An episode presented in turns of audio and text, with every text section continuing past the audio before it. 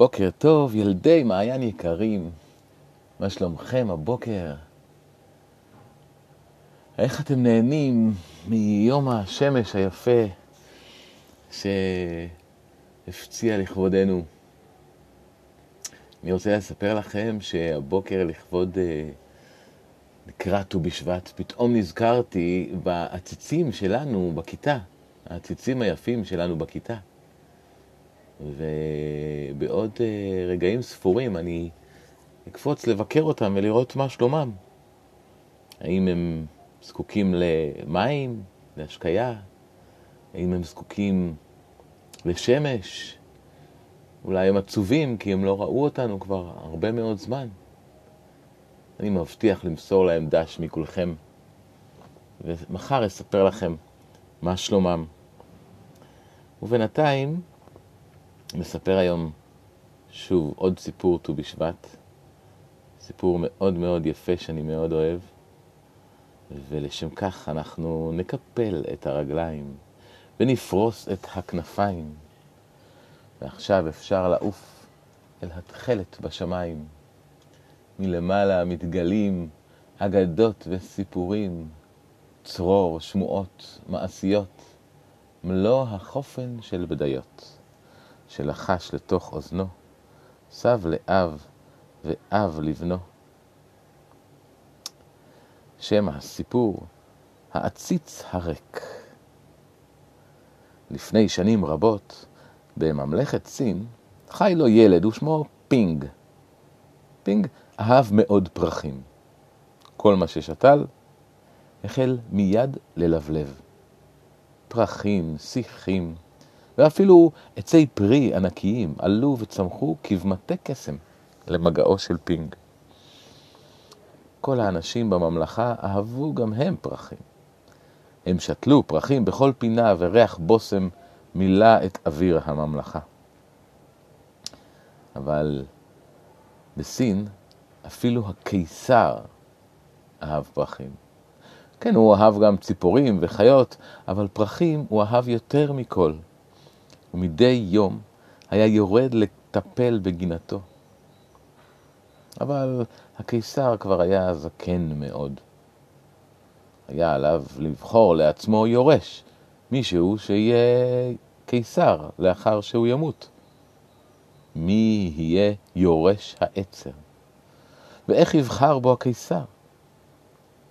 בשל אהבתו הרבה לפרחים, החליט הקיסר לתת לפרחים לבחור. למחרת פורסמה הודעה בזו הלשון: כל ילדי הממלכה מתבקשים להתייצב בארמון. שם הם יקבלו זרעי פרחים מיוחדים מהקיסר.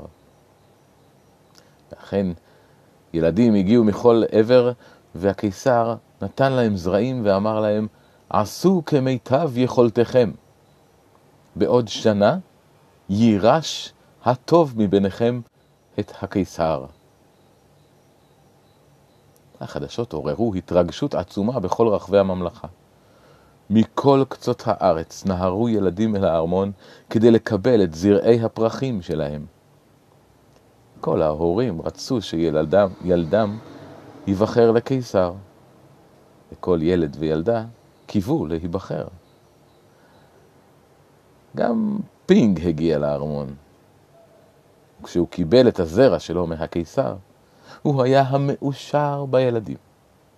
הרי ידיו ידי זהב, והוא מעולה בגידול צמחים ופרחים. הוא היה בטוח שהוא מסוגל לגדל את הפרח היפה ביותר. פינג מילא עציץ קטן באדמה דשנה. הוא טמן בו את הזרע שלו בעדינות רבה. הוא השקה אותו מדי יום. הוא חיכה בקוצר רוח לראות אותו נובט, צומח והופך לפרח יפהפה. יום עבר ועוד יום, אך דבר לא צמח בעציץ של פינג. פינג היה מודאג מאוד. הוא מילא עציץ גדול יותר, באדמה חדשה, ואז העביר את הזרע לאדמה הכהה והדשנה. הוא חיכה חודשים נוספים, ועדיין דבר לא קרה. הזרע של פינג לא צמח ולא היה לפרח יפהפה כפי שקיווה. הזמן עבר, וכבר חלפה לה שנה שלמה. האביב הגיע, וכל הילדים לבשו את בגדיהם החגיגיים לכבוד הקיסר. הם מיהרו לארמון עם הפרחים היפים שלהם, משתוקקים ומקווים להיבחר. פינג התבייש בעציץ הריק שלו. הוא חשב שהילדים ילעגו לו, כי דווקא הפעם הוא לא הצליח לגדל אף פרח. אחד מחבריו עבר בדרכו לארמון עם צמח גדול בידו. פינג, הוא אמר, אתה לא באמת מתכוון ללכת לקיסר עם עציץ ריק, נכון? לא הצלחת לגדל פרח גדול ויפה כמו שלי? גידלתי המון פרחים יפים משלך, אמר פינג.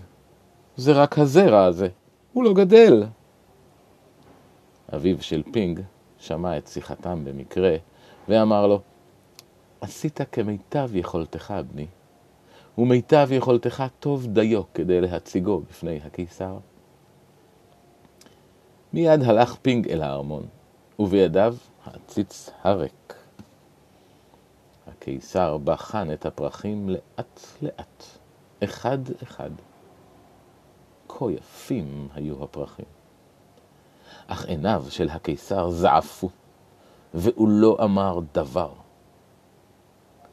לבסוף הגיע לפינג. פינג הרכין את ראשו בבושה וציפה לעונש.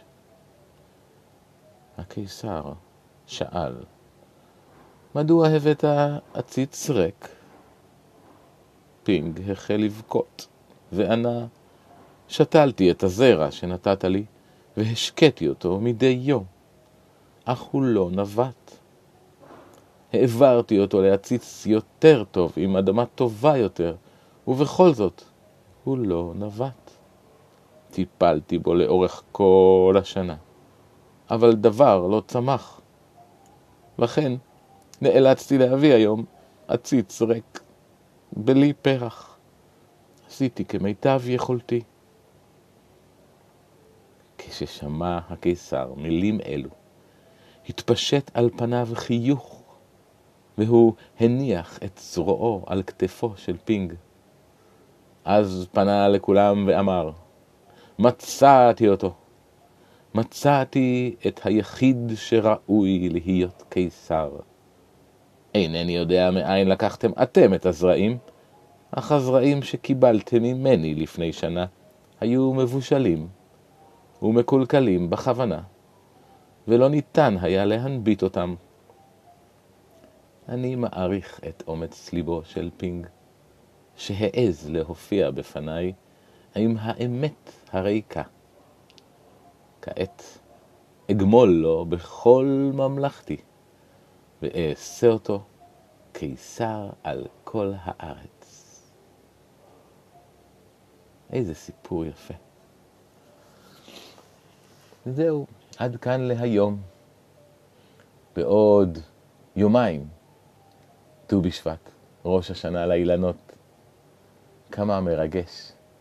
אפשר כבר להתבונן על הצמחים שמסביב ולראות שהם מבהיקים מעט יותר מן הרגיל, שמחים ונרגשים לקראת יומם הגדול. בינתיים, להתראות, ילדים יקרים.